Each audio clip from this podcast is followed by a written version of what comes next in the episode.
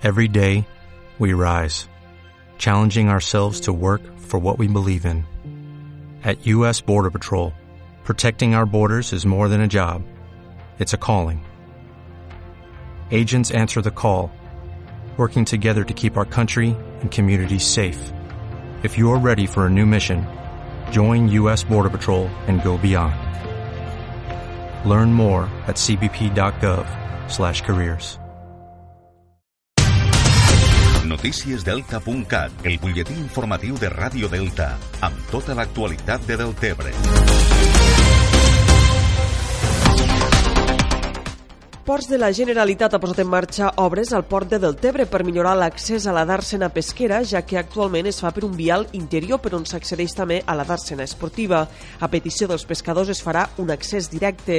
El nou vial disposarà d'una illeta, una vorera i una altra barra de control d'accés automatitzat per als pescadors, que podran accedir a l'interior amb una aplicació mòbil. Les obres tindran un cost de 85.000 euros i es preveu també actuacions per renovar les defenses, els norais i les escales de salvament, així com la millora de l'estructura i l'adequació de les plaques de fusta dels pantalans flotants. El gerent de Port, Joan Pere Gómez, ha insistit que es tracta d'una actuació senzilla, però que respon a les demandes i necessitats dels pescadors de Deltebre.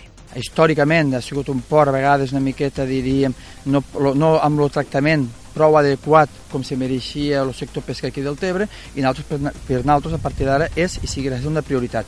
Per això hem fet aquesta inversió, una inversió senzilla, perquè els mateixos pescadors, ja que tinc el patró major, ens ho han demanat directament i pensem que amb aquesta inversió cobrirem moltes de les seves necessitats del dia a dia.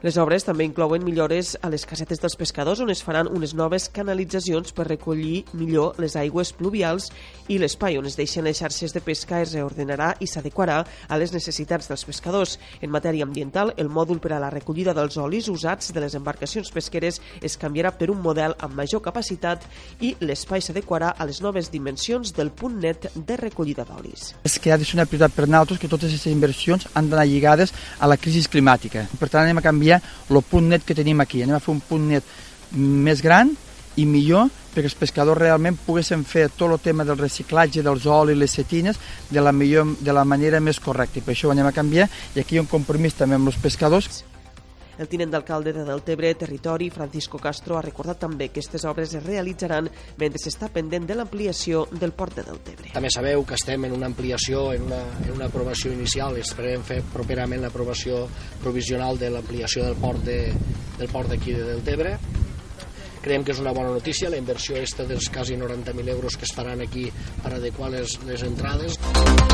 El nou president de l'Associació Catalana de Municipis i alcalde de Deltebre, Lluís Soler, ha demanat una reunió amb el president de la Generalitat, Quim Torra, per abordar la resposta que des de les institucions s'ha de donar a la sentència del Tribunal Suprem que ha jutjat a 13 líders de l'independentisme. Soler ha reiterat en una entrevista al programa Notícies en xarxa que l'ACM estarà al costat del govern de la Generalitat com un aliat estratègic per legitimar l'acció que es decideixi emprendre. Divendres per la tarda, una de les primeres coses que vaig fer va ser oficialment pues, demanar eh, reunió amb el president de la Generalitat perquè penso que és important eh, poder eh, que des del món local eh, també puguem tindre aquest punt d'incís, però sobretot de legitimació a lo que seria la resposta a la sentència. A nosaltres no ens pertoca, com a Associació Catalana de Municipis i Comarques, eh, fer, la, fer proposta directa a la resposta, però sí que és evident pues, que l'efecte multiplicador eh, que pot provocar la legitimació per part del món local pues, és important davant d'aquest context polític.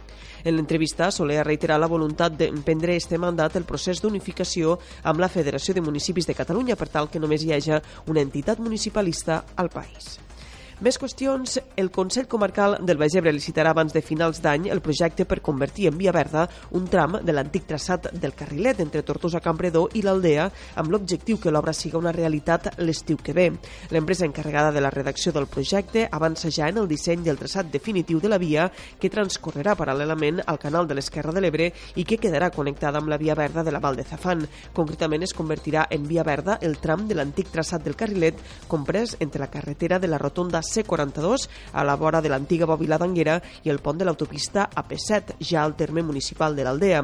L'actuació comprèn un tram de 7,2 quilòmetres i té un pressupost de 529.400 euros que es finançaran amb una subvenció dels fons FEDER i una altra subvenció del Pla de Foment Territorial. El president del Consell Comarcal del Baix Ebre, els alcaldes de Campredó i l'Aldea i els responsables de l'empresa que redacta el projecte d'obra s'han reunit per concretar el traçat de la via, així com les àrees de descans que instal·laran i la vegetació que s'hi plantarà. Això és tot per ara. Ja saben que trobaran més notícies de Deltebre al portal deltacat.cat.